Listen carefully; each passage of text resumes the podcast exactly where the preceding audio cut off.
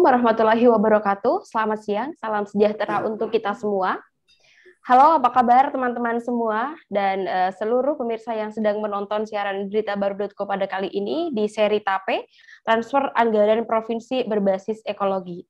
Saya ucapkan selamat datang dalam podcast seri kedua TAPE Provinsi Kalimantan Utara yang merupakan uh, rangkaian dari kegiatan seri podcast Kepala Daerah penggagas insentif fiskal berbasis ekologi.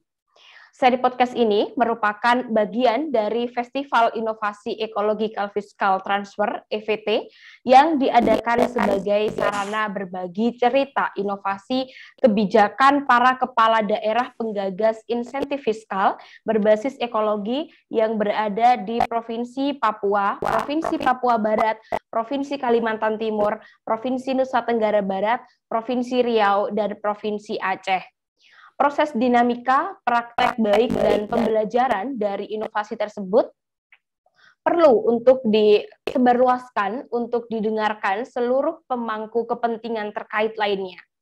Dan uh, acara ini terselenggara berkat kerjasama dengan uh, The Asia Foundation, TAF, Fitra Riau, Pusat Telaah dan Informasi Regional Patiro, Indonesia Budget Center IBC, Lingkar Temu Kabupaten Lestari, LPKL dan dari From Initiative TRI dan juga beritabaru.co sebagai media partner. Dan teman-teman telah hadir bersama kita para pemateri untuk seri uh, diskusi pada kali ini. Kita sapa terlebih dahulu. Beliau ada Bapak Ahmad Iqbal SIP, Kepala Sub Bidang Pengembangan Sumber Daya Alam Provinsi Kalimantan Utara. Halo Pak Iqbal, selamat uh, sore. Terima kasih telah bergabung tel di sesi kali ini. Selamat sore Pak Iqbal. Selamat sore. Oke, terima kasih Pak Iqbal. Dan selanjutnya juga telah hadir Ibu Siti Aisyah ST. Beliau ini Bapeda Litbang Kabupaten Tanah Tidung. Selamat sore Ibu Siti Aisyah. Selamat sore Mbak. Oke. Oke, okay. dan selain itu, saya ingin mengingatkan kepada seluruh pemirsa acara ini disiarkan langsung melalui kanal YouTube Berita Baru.co serta Facebook Berita Baru.co. Dan juga seluruh pemirsa uh, yang ingin bertanya, silahkan uh, terdapat kesempatan bertanya, silahkan untuk menulis pertanyaan pada kolom chat dan jangan lupa untuk menuliskan identitas uh, terlebih dahulu sebelum menulis pertanyaan. Dan sesi tanya jawab akan dibuka setelah dialog interaktif ini selesai. Oke, okay, baiklah uh, kita memulai sesi podcast ini untuk uh, menyingkat waktu gitu ya. Uh, pertama-tama saya ingin bertanya kepada uh, Pak Iqbal selaku Kepala Subbidang Pengembangan Sumber Daya Alam. Halo Pak Iqbal, kembali lagi ke Pak Iqbal. Oke, okay. Bapak uh, ini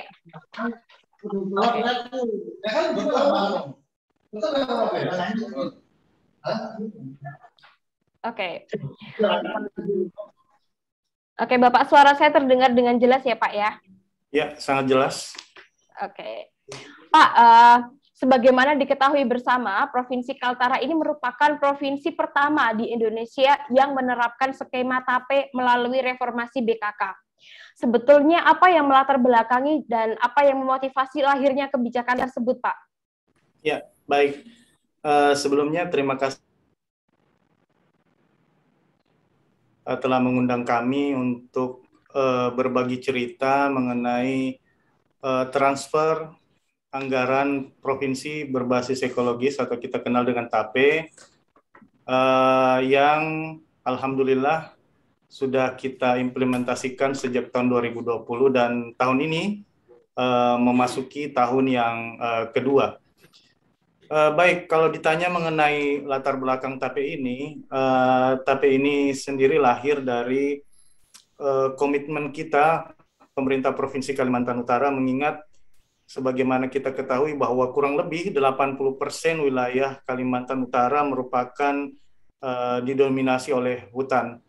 Selain itu juga uh, sebagaimana kita ketahui ketika Provinsi Kalimantan Utara dianugerahi dengan uh, tutupan lahan yang begitu luas, kemudian hutan yang masih begitu uh, luas, sudah barang tentu memberi tanggung jawab yang besar bagaimana pemerintah provinsi berkomitmen kuat untuk pada saat melaksanakan pembangunan tetap uh, berwawasan lingkungan, artinya tetap memperhatikan aspek-aspek uh, lingkungan hidup.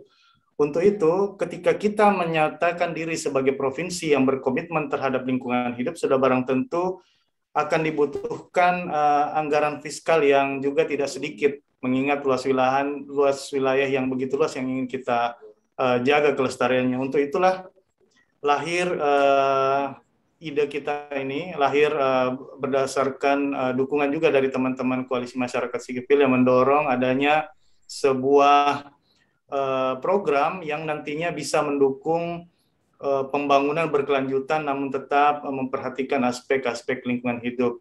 Dan lahirlah TAPE pada awalnya hanya sebuah perencanaan dan kemudian dalam perjalanannya kita didorong untuk mengimplementasikan itu dan alhamdulillah pada perubahan anggaran perubahan tahun 2020 itu bisa kita uh, laksanakan uh, dengan anggaran sekitar 5 miliar dan alhamdulillah tahun ini pun uh, kita bisa lanjutin kembali. Demikian.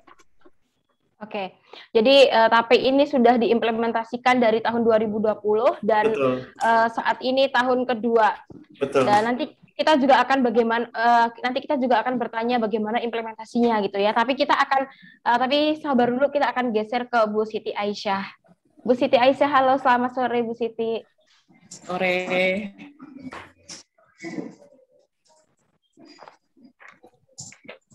Oke, okay. uh, eh, Ibu, mohon maaf ingin bertanya ini sebagai Pemkap uh, penerima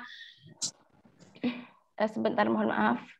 Oke, uh, sebagai PMK penerima insentif TAPE melalui BKK, apakah uh, ada manfaat Bu yang dirasakan? Apakah ada motivasi antar kabupaten atau kota untuk meningkatkan kinerja ekologi?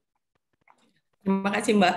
Sebelumnya saya terima kasih kepada Provinsi Kalimantan Utara yang yang mana memperjuangkan TAPE ini walaupun itu pada saat itu di 2020 saya ingat sekali itu uh, perjuangannya tuh di akhir tahun gitu Mbak. Tapi dengan SK keputusan Gubernur Kalimantan Utara nomor 188.44 K 722 20 tentang penetapan alokasi di mana Kabupaten, eh, Kabupaten Tanah Tidung mendapat anggaran sebesar 755,66 yang mana kami bagi lagi menjadi beberapa berdasarkan eh, kriteria, Mbak. Di situ ada kriteria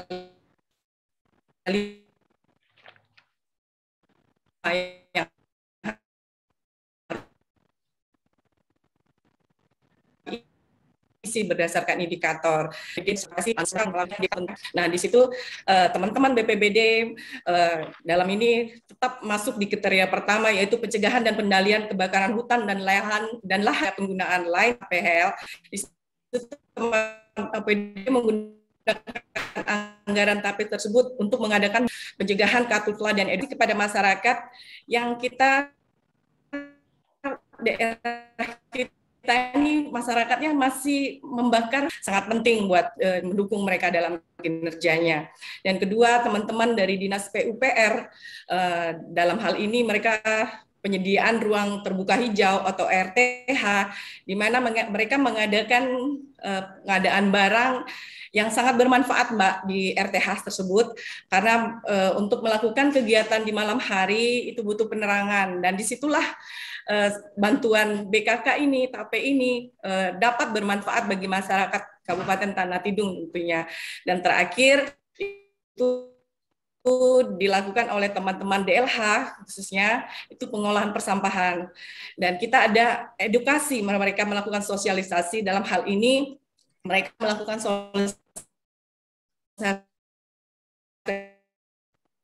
sosialisasi eh, Bagaimana waktunya membuang sampah? Mana tangga itu tidak dibuang ke sungai, Mbak, setelah mereka melakukan audikasi tentang tentang bagaimana jam-jam waktu tertentu, tentang bagaimana memanfaatkan eh, tempat-tempat uh, yang sudah disediakan untuk membuang sampah. Dan tentunya motivasi kami untuk kabupaten yang terpilih menyampaikan di sini, kita akan meningkatkan kinerja pengelolaan lingkungan hidup kita menjadi lebih baik sehingga memperkuat kapasitas pemerintah daerah dalam pelestarian fungsi ekologi dalam upaya mewujudkan pembangunan berkelanjutan. Mungkin dari saya itu dulu, Mbak. Oke, terima kasih Bu Siti. Tentunya sangat bermanfaat dengan indikator-indikator yang telah ditentukan. Kita akan ngobrol lagi uh, nanti Bu Siti. Tetap stay bersama kami. Kita ke Pak Ahmad Iqbal dulu.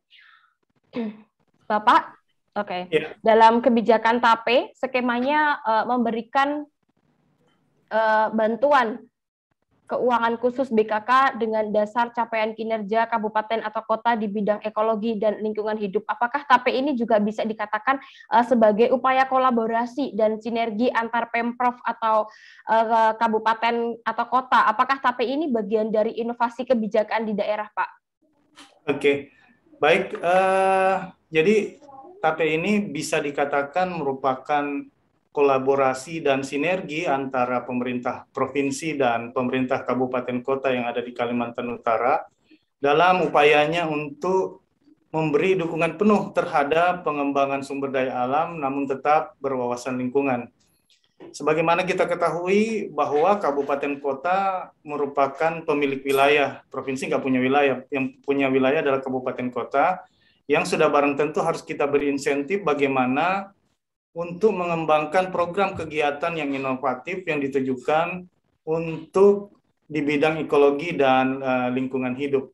Jadi bisa kita simpulkan bahwa uh, TAPE merupakan bagian dari inovasi kebijakan yang ada di daerah yang mengembangkan sistem transfer keuangan provinsi ke kabupaten kota dengan menggunakan kriteria maupun indikator yang didasarkan uh, pembangunan yang berwawasan lingkungan Adapun kriterianya yang meliputi adalah uh, mengenai pencegahan dan pengendalian karhutla, kemudian mengenai uh, kriteria ruang terbuka hijau, kemudian yang ketiga adalah kriteria pengelolaan persampahan, yang keempat adalah kriteria mengenai perlindungan air, dan yang kelima adalah kriteria mengenai pencemaran udara dengan masing-masing bobot uh, uh, kriteria masing-masing.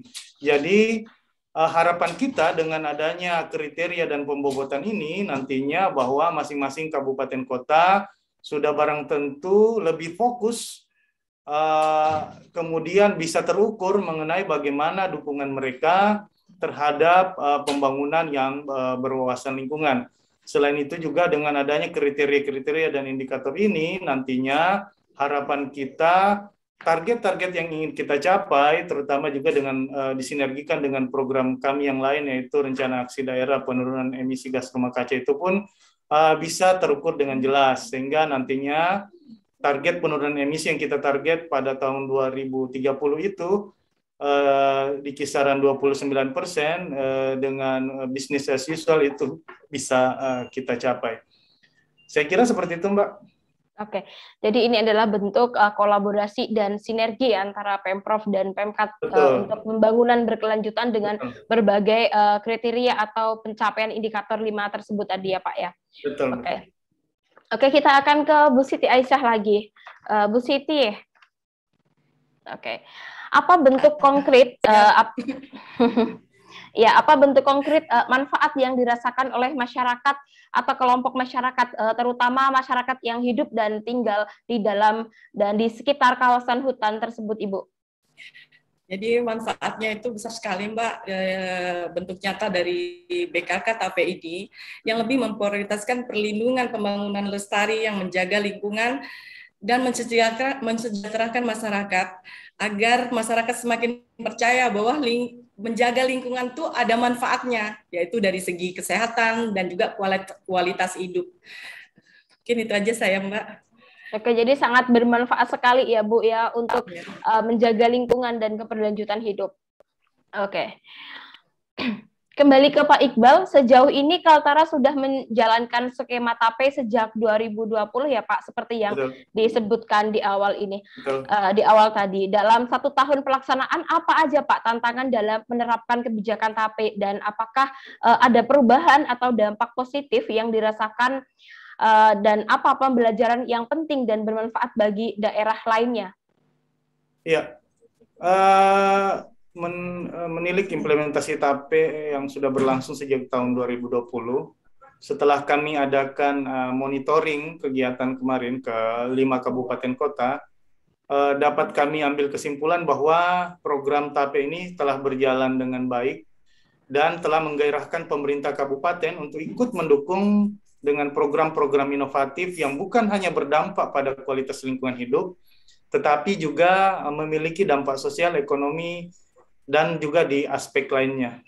Namun demikian, dalam perjalanannya memang eh, dalam implementasi TAPE ini memang kami belum eh, sampai ke eh, aturan mengenai rincian eh, pelaksanaan kegiatan. Jadi kami masih menemui bantuan keuangan TAPE ini dipergunakan eh, mungkin eh, belum menyentuh langsung terhadap output kegiatan TAPE yang kita harapkan. Misalnya masih ada kabupaten yang uh, menganggarkan anggaran TAP ini untuk perjalanan dinas keluar daerah yang saya pikir memang uh, belum menyentuh langsung dengan output TAP ini. Kemudian kalau ditanya mengenai tantangan karena ini namanya juga uh, masih prematur, masih tahap awal, jadi memang kita masih sementara uh, menerima masukan dan saran-saran mengenai pelaksanaan TAP ini. Jadi sambil kami melihat mengevaluasi pelaksanaan di kabupaten kota, memang eh, karena kemarin ini masih ada semacam eh, wacana atau narasi di kabupaten kota bahwa itu hanya sebatas surga telinga, itu hanya sebesar eh, eh, janji-janji eh, aja, tetapi ternyata dengan kemampuan keuangan yang ada, eh, alhamdulillah bisa diwujudkan dan memang karena pencairannya di akhir tahun, memang keluhannya yang terbesar adalah keterbatasan waktu, terutama teman-teman yang eh, melaksanakan TAPE ini untuk pengadaan eh, barang-barang uh, seperti barang-barang untuk penanggulangan uh, sarana prasarana untuk penanganan karhutla itu memerlukan waktu sehingga memang keterbatasan waktu ini menyebabkan ada beberapa kabupaten yang memiliki sisa lebih penggunaan anggaran.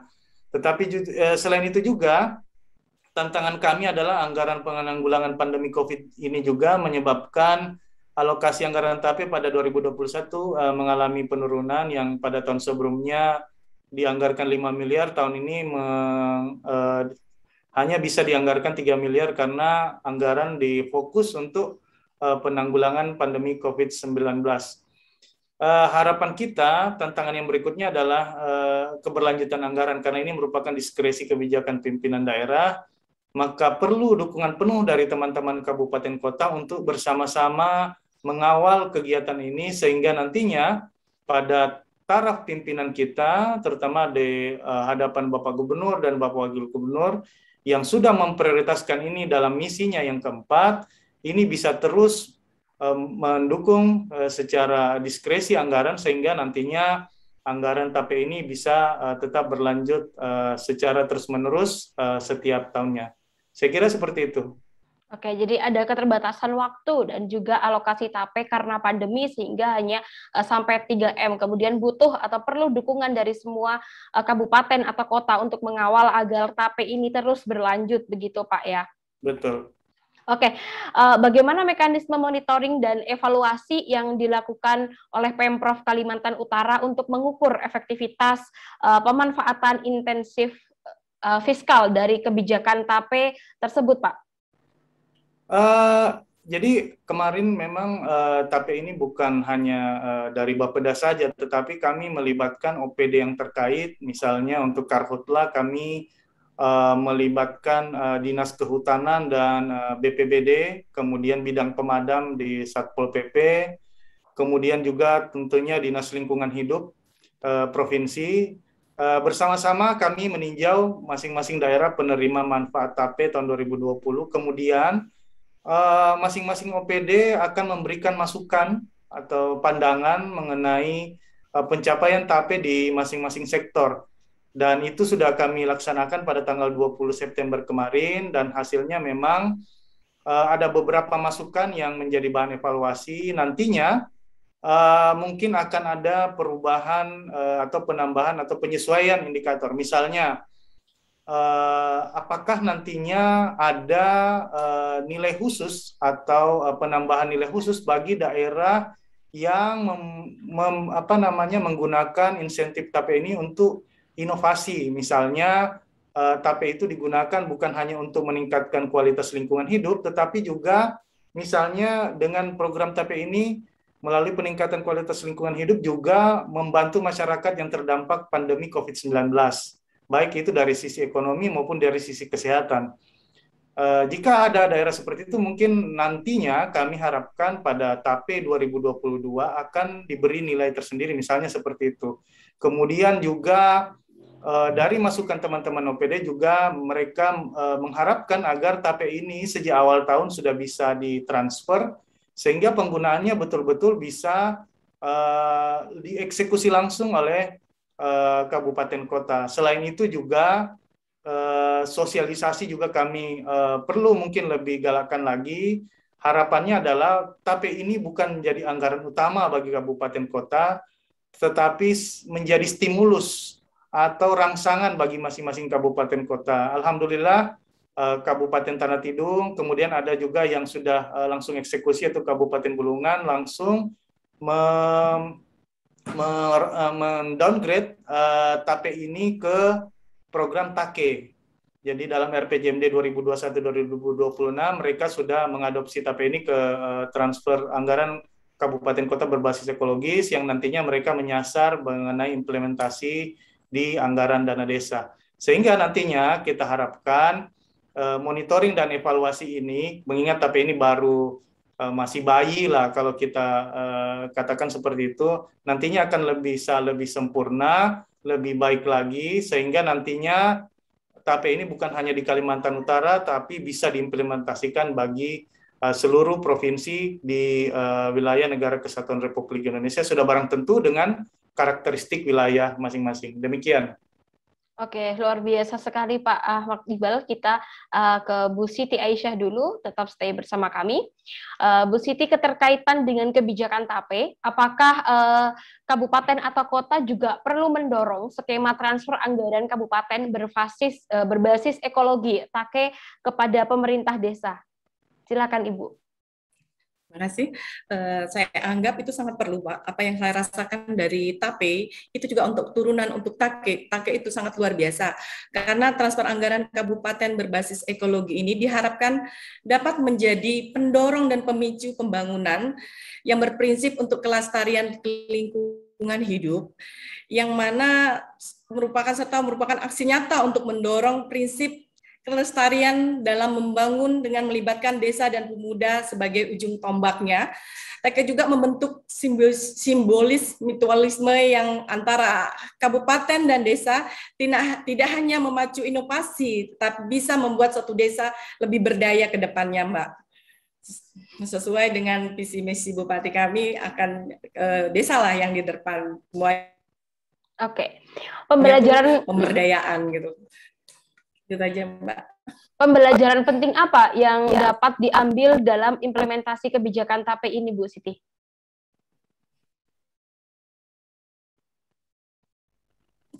Kasih Mbak.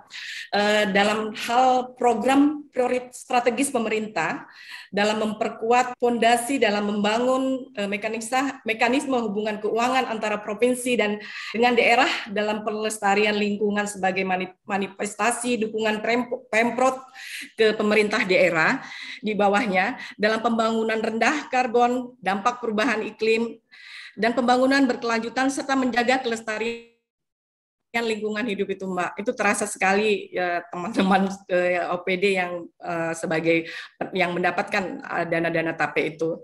Kita hanya mawal bagaimana mereka memanfaatkan uh, ini dana-dana uh, yang setelah ditransfer oleh provinsi. Oke. Baik, jadi uh, perlu sekali ya untuk mendorong skema transfer anggaran kabupaten berbasis ekologi TAKE ini kepada pemerintah desa untuk terus mendorong kelestarian lingkungan hidup. Kita akan kembali lagi ke Pak Ahmad Iqbal. Uh, Pak Ahmad, uh, upaya perbaikan apa yang harus dilakukan dalam implementasi kebijakan TAPE ini, Pak?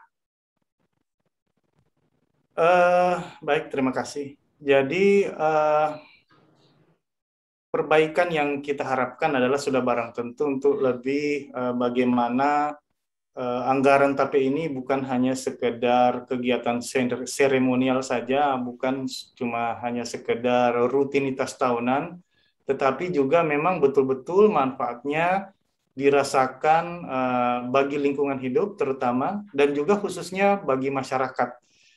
Nah, pada tahap pada TAPE 2021 ini, kalau kami melihat uh, di indeks data, eh, masing-masing uh, kabupaten kota itu mengalami peningkatan nilai indeks. Misalnya Kabupaten Tanah Tidung yang tahun kemarin indeksnya hanya 1,77,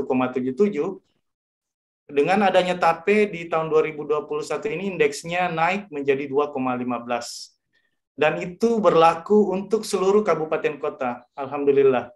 Cuma memang dari sisi anggaran kita ada penurunan sehingga mungkin uh, nilai bantuan keuangan yang disalurkan tahun ini tidak seperti tahun yang kemarin. Namun harapan kami adalah bahwa uh, dengan jumlah yang uh, terbatas ini, kami harapkan pemerintah kabupaten kota bisa berinovasi, kemudian uh, memprioritaskan program-program yang berdampak langsung kepada masyarakat baik dari sisi lingkungan hidup maupun dari sisi aspek sosial dan ekonomi. Kemudian untuk mendukung hal tersebut, mulai TAPE 2021 ini, selain dokumen self-assessment yang harus disetorkan oleh pemerintah kabupaten kota, mereka juga diwajibkan untuk melampirkan proposal usulan kegiatan terkait TAPE yang diurut berdasarkan prioritas masing-masing. Selanjutnya, tim penilai TAPE akan melaksanakan penilaian terhadap program yang diusulkan tersebut. Jadi kabupaten kota ini mengusulkan program dengan anggaran yang ideal. Kenapa dengan anggaran yang ideal? Karena ini akan kami sampaikan kepada Bapak Gubernur sehingga nantinya uh, bisa memberi uh, uh, apa namanya pertimbangan uh, bagi beliau untuk nanti bagaimana mengeluarkan kebijakan uh, untuk mendukung TAPE ini. Selanjutnya hasil dari uh, penilaian dari tim TAPE ini kemudian uh, dievaluasi terhadap output dan rincian kegiatan yang masing-masing ada di usulan program. Kemudian kita juga mengaitkannya dengan sasaran TAPE yang tertuang di dalam RPJMD Provinsi Kalimantan Utara tahun 2021 hingga 2026. Dan nantinya pada saat penyampaian SK Gubernur tentang penetapan alokasi Bankio ini juga akan kami sampaikan hasil penilaian tim terhadap program-program yang kemudian dapat diusulkan oleh masing-masing kabupaten kota yang nantinya dilampirkan pada surat usulan pencairan yang ditandatangani oleh kepala daerah masing-masing. Dan nantinya setelah uh, Pagu ini kami sampaikan melalui Bapeda masing-masing kabupaten kota, Bapeda masing-masing kota akan membagi Pagu tersebut berdasarkan program yang kami setujui dan alokasi anggaran yang diperoleh berdasarkan prioritas masing-masing uh, kabupaten kota. Jadi uh, itulah beberapa upaya perbaikan yang kami lakukan sehingga nantinya pada monitoring evaluasi 2021 nanti itu uh, anggaran-anggaran misalnya kegiatan-kegiatan yang kami anggap tidak perlu itu tidak akan muncul kembali dan akan kami upayakan untuk mendorong misalnya tadi uh, solar cell misalnya yang di RTH-nya Tanah Tidung. Kalau kita tidak anggarkan uh, baterainya tiap tahun itu akan jadi gelap kembali. Makanya itu yang kita seperti itu yang akan kita uh, kawal. Artinya bagaimana program itu bisa diinisiasi kemudian bagaimana program itu bisa berlanjut setiap tahunnya saya kira seperti Oke. Oke, baik Pak. Jadi uh, harapannya tidak hanya menjadi seremonial aja, tetapi uh, nanti uh, dengan jumlah pagu yang terbatas karena COVID-19 karena pandemi sehingga dipotong, harapannya terus berinovasi, terus uh, kabupaten atau kota terus memberikan program-program yang berinovasi dan juga uh, dengan adanya TAPE ini membuat uh, peningkatan indeks uh, setiap kabupaten atau kota terus naik. Uh, baik Pak, uh, kemudian mengenai pertanyaan selanjutnya dari Monef TAPE yang sudah dilakukan, apa rencana tindak lanjut pengembangan TAPE ke depan Pak Iqbal? Iya, baik. Jadi uh, Alhamdulillah memang uh, dengan adanya TAPE ini kami mendapat support dari berbagai pihak, selain dari teman-teman koalisi masyarakat sipil juga kami mendapat hadiah dari Governor Climate and Forest Task Force (GCF) itu berupa aplikasi sistem pengajuan monitoring dan evaluasi berbasis web. Jadi nantinya ke depannya TAPE Kaltara ini akan diakses melalui uh, website tapeku.kaltaraprof.go.id yang insya Allah uh, di bulan Oktober ini mudah-mudahan sudah bisa kita uh, launching sehingga nantinya teman-teman uh, di kabupaten kota bisa uh, mengirim self assessment atau mengisi self assessment melalui uh, uh, aplikasi berbasis web ini. Kemudian juga teman-teman dari daerah lain atau dari seluruh penjuru dunia bisa melihat bagaimana uh, kisah yang ada uh, mengenai TAPE ini mulai proses uh, progresnya kemudian hal-hal yang sudah dicapai dengan uh, menggunakan TAPE ini pada aplikasi tersebut. Kemudian juga pada saat yang bersamaan uh, bagi kabupaten kota yang ada kami uh, punya empat kabupaten kota yang uh, sementara menyusun RPJMD, kami dorong untuk memasukkan program TAKE menjadi salah satu program di dalam RPJMD mereka di periode 2021-2026 sehingga nantinya TAPE ini bisa bersinergi dengan TAKE dan kami harapkan pusat juga saya belum mendengar tanenya ini gimana transfer anggaran nasional ini. Kami harap itu juga bisa disinergikan dengan kita sehingga nantinya Eh, saya yakin dengan sinergi dengan dari pusat hingga ke kabupaten kota, output yang diharapkan jadi bisa lebih uh, luas, kemudian manfaat yang dirasakan sudah pastinya kalau dikerjakan bersama-sama uh, nantinya juga akan lebih luas. Terima kasih. Oh, wah keren sekali ya Pak. Jadi ke depan ini monitoringnya sudah by aplikasi ya Pak ya. Tapi Kaltara ke depan akan uh, berbasis web gitu. Jadi siapa saja bisa akses dan ikut mengkontrol luar biasa sekali. Betul. Ya tetap stay bersama kami. Kita akan ke Bu Siti Aisyah terlebih dahulu. Ibu. Ya. Oke. Menurut uh, daerah penerima uh, masukan atau upaya perbaikan apa Bu yang harus dilakukan dalam implementasi kebijakan TAPE ke depan Bu Siti? Uh, ya, Bung Pak Iqbal tadi sebenarnya dari awal juga saya sudah selalu menyebutkan regulasinya. Jadi penggunaan dana itu tidak hanya harus uh, uh, juknis yang ada itu bisa memandu Bapeda dan Dikbang khususnya untuk memberi mas, memberi memberi saran untuk OPD OPD penerima uh, dengan regulasi yang jelas. Tentunya kami pinginnya penggunaan dananya lebih ditekankan pada regulasi yang ada disesuaikan dengan kondisi lapangan yang dihadapin oleh kabupaten, kabupaten dan kota yang ada di Kaltara dan sejauh mungkin memperhatikan capaian atau outputnya keluaran dari semua program kegiatan yang dilakukan kabupaten kota tersebut dan uh, bukan hanya memperhatikan hanya menyelesaikan dalam pertanggungjawaban keuangan atau SPJ-nya saja. Itu yang tidak tidak kami inginkan juga seperti itu. Dan itu sudah tersampaikan dengan baik ke provinsi, harapan-harapan kami seperti itu. Tinggal kelanjutannya nanti kami di kabupaten untuk meneruskan regulasi-regulasi yang sudah ditentukan seperti itu, Mbak. Oke, terima kasih Ibu. Jadi uh, harapannya ke depan itu regulasi ya, OPD OPD penerima regulasi dan juga sesuai dengan regulasi dan kondisi daerah yang ada memperhatikan lapangan dan outputnya tidak hanya uh, eh, SPJ atau laporan pertanggungjawaban saja. Keren sekali. Tapi Ibu uh, untuk mempertegas nih Bu ya harapannya uh, dalam pengembangan TAPE ke depan seperti apa Bu? Uh, harapan ke depan antara Tidung, uh, walaupun kami dari segi pembagian kami terkecil, tapi tidak tidak membuat kami kecil hati, tapi kami ke depannya ingin membuat pelabuhan bagaimana anggaran TAPE ini menjadi alternatif untuk upaya konservasi hutan yang ada di Kabupaten Tanah Tidung, bukan hanya berupa BKK, tapi juga tidak bisa, tapi juga bisa masuk menjadi syarat dalam kebijakan penganggaran di daerah kami tentunya khususnya sebagai bentuk peran serta dalam penurunan emisi dari de deforestasi dan degradasi hutan serta pengolahan hutan yang berkelanjutan. Sepertinya seperti itu. Apa pun bentuknya seperti disampaikan bukan hanya provinsi yang mengalami uh, pengurangan anggaran, kami pun juga pengurangan anggaran juga kami rasakan. Tapi apa pun bantuan ini BKK ini kami harapkan terus berlanjut walaupun kecil. Ini harap harapan kami di kabupaten karena merasa untuk menunjang. Ada lagi salah satu OPD yang ingin saya sampaikan.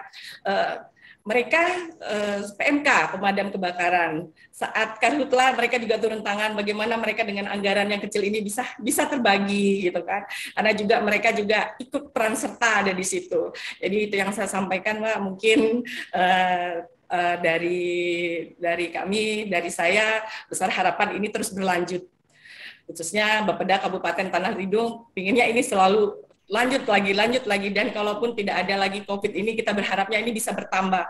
Uh, anggaran ini lebih besar dari tahun-tahun sebelumnya. Mungkin itu. Oke, jadi meskipun uh, anggarannya saat ini hanya sedikit gitu ya, tetapi harapannya terus berlanjut karena memang uh, dampaknya atau implementasi dari uh, inovasi kebijakan ini sangat terasa sekali untuk mendorong kelestarian lingkungan hidup. Dan kami juga uh, mempersilakan untuk teman-teman yang di sini untuk uh, bisa ya bertanya kepada kedua narasumber kami yang telah hadir menyempatkan waktunya loh di tengah-tengah uh, kesibukannya. Terima kasih ya Pak eh, Iqbal dan Bu Siti. Kita akan buka sesi tanya jawab untuk siapa saja pemirsa yang akan bertanya kepada uh, beliau. Silahkan untuk menulis di kolom chat ya.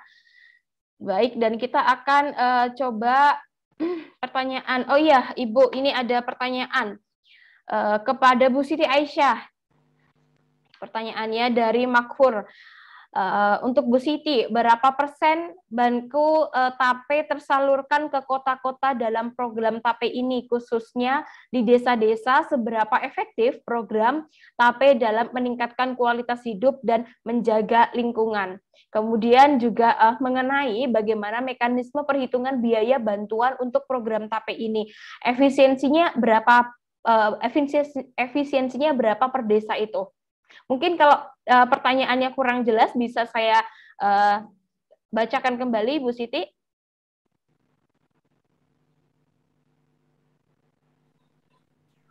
Oke, sepertinya masih mute. Oke, boleh dibacakan kembali ya. Pertanyaan dari Makfur Agung untuk Bu Siti Aisyah, uh, berapa persen BANQ TAPE tersalurkan ke kota-kota dalam program TAPE ini. Kemudian khususnya di desa-desa seberapa efektif program TAPE dalam meningkatkan kualitas hidup dan menjaga lingkungan. Uh, kemudian juga mengenai bagaimana mekanisme perhitungan biaya bantuan untuk program TAPE ini efisiensinya berapa per desa itu. Jadi ini semangat sekali pertanyaannya ya, satu pertanyaan langsung tiga. Monggo boleh dijawab. Uh, jadi Ibu. anggaran TAFE ini yang tersalurkan uh, di kami itu sekitar 97 persenan yang kemarin bisa disalurkan dan itu kalau manfaatnya peningkatan hidup ini uh, untuk kebanyakan di RTH kalau teman-teman di Karhutla itu mereka lebih ke edukasi dengan peralatan untuk pemadaman pemadaman apa kebakaran hutan. Kalau teman-teman di LH itu lebih ke sosialisasi mereka bagaimana cara masyarakat sadar pada tempatnya, pada pada jam jam tertentu untuk membuang sampah. Itu yang masih kadang-kadang kita tidak kita lihat itu sampah masih buang sembarangan. Itu yang mereka mau tingkatkan dan alhamdulillah dari presentasi yang mereka lakukan itu sudah uh, sudah meningkat sekali gitu kan. Uh, apa uh, kesadaran masyarakat itu. Kalau yang ke desa-desa mungkin nanti akan dikembangkan lewat take kalau kita ada. Tapi ini yang kami rasakan dulu. Uh, apalagi RTH ya yang tadi solar cell itu itu tempat berkumpulnya masyarakat saat malam minggu saya ngerasakan sekali kali itu Mbak, saya bukan orang Tanah Tidung asli, tapi saya tidak keluar daerah pada saat weekend uh, karena pekerjaan suami juga mungkin kami harus bertahan. Uh, itu yang kami rasakan. Bagaimana bisa menikmatin uh, ruang terbuka hijau di malam hari. Oke, oke terima kasih Bu Siti Aisyah dan uh, saya ingin Pak Iqbal menanggapi bagaimana uh, tanggapan Bapak terkait uh, pernyataan Ibu Siti Aisyah tadi memang betul ya ternyata RTH ini uh, sangat bermanfaat sekali sampai ke desa-desa dan sampai uh, ke masyarakat lainnya perlu sekali RTH dan lain sebagainya. Bagaimana Bapak menanggapi uh, dari pernyataan Bu Siti Aisyah tersebut? Ketika melakukan evaluasi uh, ini, kemudian kita uh, berkunjung ke Kabupaten Tanah Tidung, memang uh, sangat terasa sekali uh, mengenai dampak yang dirasakan dari solar cell ini. Mungkin bagi kota-kota lainnya di Indonesia atau di kota-kota besar, hal seperti ini sepele, tapi bagi kami di Kalimantan Utara, uh, penerangan itu adalah sesuatu yang sangat mahal. Karena memang uh, kita masih uh, provinsi baru, masih banyak, uh, ada beberapa wilayah yang uh, uh, rasio elektrifikasinya juga masih uh, di bawah rata-rata nasional. Tetapi dengan adanya program TP ini, uh, selain uh, dampak yang sudah disampaikan oleh Bu Siti juga, bagi kabupaten kota lain juga uh, memberi dampak yang uh, sangat signifikan. Misalnya uh, saya gambarkan mungkin ada masukan dari teman-teman uh, kabupaten misalnya nanti uh, anggaran TAPE ini dapat dimanfaatkan untuk bagaimana bisa membentuk uh, relawan uh, untuk menangani titik-titik api yang jauh. Jadi kemarin itu awal tapi kita cuma kepikiran bahwa ini cuma di ibu kota kabupaten. Tapi pertanyaannya kalau kebakarannya di uh, tengah hutan yang jaraknya kalau di kami itu mungkin seperti Jakarta ke Bandung atau Jakarta ke Bogor itu pasti butuh waktu yang lama. Dan jangan dipikir jalannya akses jalannya sama. Kalau di Kaltara itu akses jalannya masih susah. Jadi memang hal-hal yang seperti ini yang uh, mungkin uh, ke depannya akan lebih kami tekankan untuk nantinya TAPE ini bisa memberi uh, mungkin nanti sosialisasi terutama juga untuk ini bisa digunakan untuk mendidik uh, masyarakat kami yang umumnya pada saat bulan Juli hingga Oktober itu pada saat membuka lahan itu menjadi titik-titik uh, spot-spot api yang baru. Mungkin nantinya akan ada edukasi bagaimana mereka membuka lahan yang baik. Misalnya kalau ada, di Kabupaten Bulungan mungkin uh, kayunya itu yang dicacah itu kemudian dimasukkan dibakar dalam sebuah wadah, kemudian gasnya itu ditampung, kemudian uh, dijadikan cairan pengawet itu mungkin menjadi lebih bermanfaat dan ber, apa menjadi nilai ekonomis. Atau mungkin inovasi lain itu ada di sebuah kabupaten e, menginisiasi untuk menabung be, bekerja sama dengan salah satu BUMN itu menabung emas. Jadi sampahnya dikumpulkan kemudian nantinya dengan e, bantuan TAPE yang e, me, membuat sampah yang e, apa namanya dipilah e, yang sampah plastik dan sampah non plastik atau sampah yang mudah busuk itu diolah menjadi yang plastik atau bisa diolah kembali itu menjadi tabungan sampah. Kemudian yang sampah basah menjadi uh, uh, istilah kami bank pupuk kompos. Jadi itu juga bisa uh, bukan hanya dari sisi kebersihan tetapi juga dari aspek ekonomi nantinya uh, bermanfaat bagi masyarakat. Jadi itu banyak sekali inovasi yang sebenarnya dari teman-teman uh, kabupaten lain selain teman-teman di KTT. Namun memang yang kemarin yang uh, kemarin yang paling saya rasakan ini yang kelihatan langsung terasa ya itu tadi solar cell itu tadi. Bagaimana yang istilahnya kami di tengah kampung yang kalau malam minggu itu gelap gulita, istilahnya jadi tempat remang-remang, akhirnya dengan adanya lampu solar cell jadi rame, bisa jogging, bisa malam udah bisa jogging, bisa ngumpul, bisa anak-anak bisa kita ajak main. Um, uh, ya banyak manfaatnya. Sehingga itulah yang kami uh, apa namanya ke mana-mana ini yang jadi percontohan agar jangan cuma yang biasa-biasa deh. Misalnya ngadain bak sampah ya bak sampah di mana-mana juga ada. Ngadain dump truk sampah ya memang penting. Tapi kalau yang ini kecil murah eh, sederhana tapi dampaknya besar dan itu bukan dampak hari ini saja tetapi berkelanjutan hingga uh, bertahun-tahun kemudian. Mungkin itu uh, dari saya.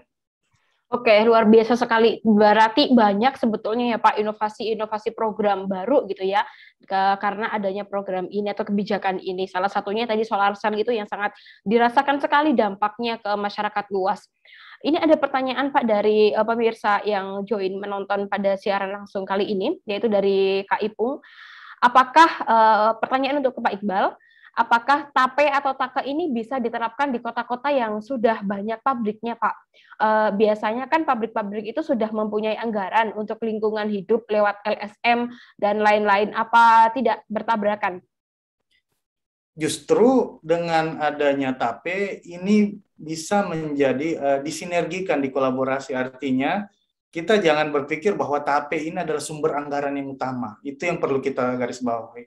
TAPE ini adalah stimulus. TAPE ini adalah pendamping. Jadi misalnya di kota-kota besar misalnya sudah banyak pabrik kemudian sudah punya CSR eh, lingkungan hidup sendiri tetapi uh, TAPE ini mungkin bisa nantinya uh, di, dianggarkan untuk uh, uh, apa namanya uh, menjadi jalan mungkin untuk bagaimana CSR CSR-nya itu lebih lebih progresif, lebih bisa manfaatnya bukan hanya lingkungan hidup atau bukan hanya sekedar uh, penyelesaian kewajiban tanggung jawab, tetapi manfaatnya pertama jangka panjang dan itu kontinu tiap tahun dan sederhana tapi langsung berdampak nyata bagi masyarakat. Kita apa namanya jangan berpikir selalu dampaknya harus wah uh, besar, tetapi hal-hal yang sepele misalnya uh, kebiasaan misalnya membuang puntung rokok di sembarang tempat itu mungkin sepele, tetapi mungkin dengan anggaran CSR, dengan anggaran TAP yang disinergikan, puntung-puntung rokok yang dibuang sembarangan itu mungkin nantinya bernilai ekonomis atau mungkin membentuk habit yang baru atau mungkin nantinya uh, membuat orang berhenti merokok misalnya.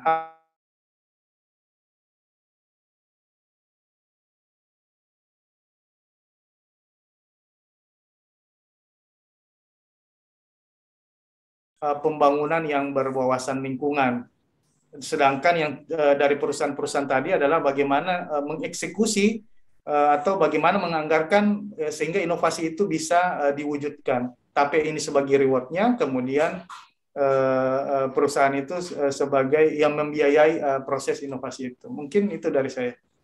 Oke, jadi sebetulnya tidak ada masalah ya Pak ya? Tidak ada masalah. Justru saya menunggu itu kalau di Kalimantan Utara. Justru itu yang akan kami bangun. Bagaimana nantinya yang uh, dengan uh, Mas Ramlan kemarin uh, sempat ngobrol, bagaimana nantinya TAPE ini didukung penuh juga dengan mitra-mitra uh, pembangunan lain dan perusahaan-perusahaan sehingga gaungnya bukan hanya uh, kerjaan pemerintah, tapi ini kerjaan bersama seluruh stakeholder. Jadi TAPE ini punya semua bukan cuma punya Pemprov tapi punya semua. Karena lingkungan itu bukan cuma punya pemerintah tapi punya seluruh stakeholder.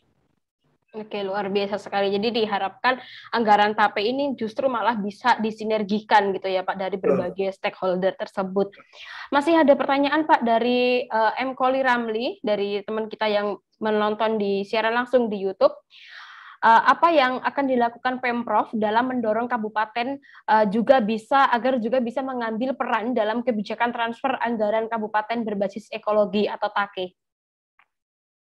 Ya, ke depannya uh, kami akan memberi reward lebih melalui TAPE ini bagi daerah yang mau mengimplementasikan TAKE. Jadi pada mungkin nanti penghitungan indeks skor bagi yang sudah melaksanakan TAPE mungkin nanti kami akan beri bobot 30 sampai 40 persen mungkin ya. Nanti ini kami bicara dengan tim. Tapi pastinya nantinya TAKE ini bagi kabupaten kota sebagai insentif bagi yang sudah melaksanakan akan kami berikan poin bobot poin yang lebih tinggi. Itu untuk mendorong mereka. Kemudian dalam jangka waktu yang dekat memang uh, kami akan uh, mengumpulkan teman-teman Bapeda kabupaten kota mudah-mudahan minggu ini atau minggu depan untuk bagaimana nanti bisa sama-sama kita mensukseskan TAPE ini dengan uh, meng, uh, mengadopsi program TAKE. Dan mungkin nanti eh, teman-teman uh, di Koalisi Masyarakat Sipil akan membantu pendampingan bagaimana teman-teman di kabupaten yang ada di Kaltara bisa mengimplementasikan TAKE yang disinergikan dengan TAPE. Sehingga nantinya tidak hanya sebatas omongan, tidak hanya sebatas konsep, langsung kita bisa eksekusi di tahun 2022.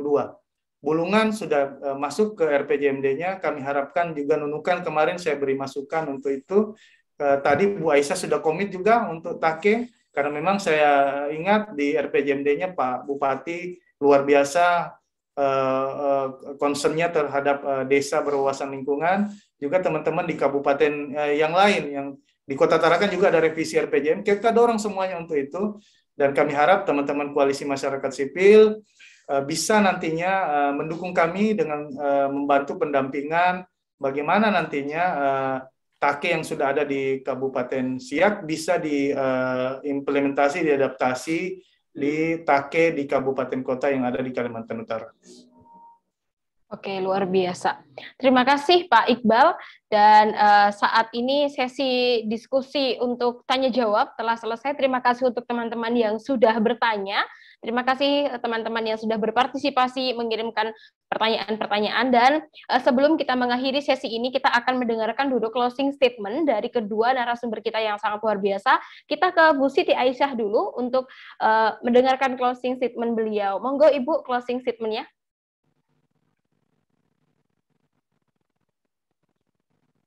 Uh, mohon maaf suaranya mungkin masih ke mute ya. harapannya ke depan eh, eh, pemerintah Kabupaten Tanah Tidung tentunya tetap mau bersinergi dengan pemerintah eh, Provinsi Kalimantan Utara dalam melakukan beberapa hal dalam melakukan kerja maupun program-program kegiatan. Bapeda dan Litbang siap untuk itu dan berkomitmen untuk melakukan me, mengantar anggaran TAPE ini ke depan untuk program-program kegiatan di OPD OPD teknis terkait tentunya dengan regulasi yang jelas Eh, sehingga kami juga di Bapeda mengarahkan mereka juga lebih jelas, lebih pertanyaan mereka juga bisa kami jawab juga. Dan ke depannya marilah kita berbuat untuk kabupaten untuk menjaga lingkungan, melestarikan lingkungan uh, bawah uh, menjaga kelingkungan itu juga adalah kesehatan untuk kita semua dan itu juga uh, dengan uh, lingkungan ini juga tentunya ke depannya juga uh, bukan hanya untuk kita tapi juga untuk anak cucu kita ke depannya mungkin itu aja. Oke, siap. Terima kasih banyak Bu Siti ya. Keren sekali kabupaten atau provinsi siap untuk sinergi berkolaborasi bersama untuk mewujudkan implementasi TAPE ini. Bapeda dan juga Litbang tadi Bu Siti sampaikan komitmen untuk mengawal TAPE dengan regulasi yang jelas dan manfaat yang sangat luar biasa untuk lingkungan hidup dan bahkan regenerasi selanjutnya ya Bu Siti. Terima kasih Ibu. Kita akan mendengarkan closing statement dari Pak Iqbal. Silahkan Pak Iqbal. Ya, uh, pada kesempatan yang baik ini saya mau menyampaikan uh, mewakili Bapak Kepala Badan menyampaikan apresiasi yang sebesar-besarnya atas terselenggaranya acara uh, podcast uh, hari ini dan sebuah kehormatan bahwa TAPE Provinsi Kalimantan Utara uh, walaupun kami masih provinsi yang paling bungsu tetapi uh, TAPE ini bisa kami uh, wujudkan Kemudian harapan besarnya kami TAPE ini tidak berhenti di Kalimantan Utara, tetapi bisa menular ke provinsi-provinsi yang lain. Kami siap membantu apabila ada teman-teman di provinsi lain yang ingin uh, mengadopsi atau uh, uh, mengimplementasikan TAPE ini di provinsi masing-masing. Harapannya adalah dengan uh, gerak bersama TAPE ini di seluruh provinsi di uh, Indonesia, maka ke depannya bukan hanya uh, uh, apa namanya dampaknya terhadap lingkungan hidup, tetapi uh, juga manfaat yang diterima baik uh, dari berbagai aspek. Karena tapi ini jangan hanya kita lihat bahwa ekologis itu hanya lingkungan hidup tetapi banyak aspek yang ada di situ. Dan saya yakin uh, dengan adanya TAFE yang saya pikir nantinya berbasis inovasi berbasis inovatif, saya yakin nantinya akan muncul ide-ide program-program baru yang akan mensinergikan tujuan pembangunan berwawasan lingkungan dan juga pencapaian uh, tujuan pembangunan berkelanjutan. Saya ucapkan juga terima kasih untuk seluruh rekan-rekan saya di uh, kabupaten kota, Bapeda kabupaten kota yang sudah mendukung uh, kegiatan TAPE ini sehingga uh, pencapaiannya lebih besar dari apa yang kami ekspektasikan. Ternyata uh, apa yang ada di lapangan dengan berbagai kekurangan, tapi masih lebih banyak kelebihan yang uh, bisa kami peroleh dari apa yang uh, TAPE sudah disalurkan ke kabupaten kota. Kami mengucapkan terima kasih yang sebesar-besarnya. Mudah-mudahan di TAPE yang tahun 2021 ini Uh, walaupun uh, penyalurannya juga agak terlambat, kami mohon maaf. Namun, namun kami harapkan uh, bisa kita eksekusi, kita manfaatkan dengan sebaik-baiknya, sehingga nantinya ke depannya TAPE ini bukan berhenti sampai hari ini, tapi terus menerus berkembang, berinovasi, dan dampaknya nanti bisa uh, dirasakan uh, nantinya ke depannya bisa dirasa, dirasakan, dilaksanakan oleh seluruh provinsi yang ada di Indonesia, bahkan kalau boleh di seluruh dunia, di seluruh dunia yang uh, bisa uh, melaksanakan program yang seperti ini. Dan yang terakhir, uh, kami berharap uh, bahwa provinsi uh, tidak bisa berjalan tanpa kabupaten kota, karena kabupaten kota adalah pilar bagi provinsi, sehingga harapan kita TAPE tidak uh, berdiri sendiri, tetapi nanti ditopang oleh TAKE yang ada di uh, kabupaten kota. Sehingga nantinya harapan kami TAPE dan TAKE yang sudah berjalan bisa terdengar di tingkat pusat mendukung kami mungkin dari uh, ada dana alokasi khusus untuk uh, kegiatan seperti ini atau dana insentif daerah yang uh, seperti ini sehingga nantinya bukan pemerintahnya yang menikmati kok untuk pemerintah pusat tapi masyarakatnya itu yang penting kita garis bawahi bahwa dana-dana seperti ini bukan pemerintah yang merasakan tetapi masyarakat dan saya akhiri terima kasih banyak khususnya teman-teman koalisi masyarakat sipil mudah-mudahan nantinya kita dapat bersinergi.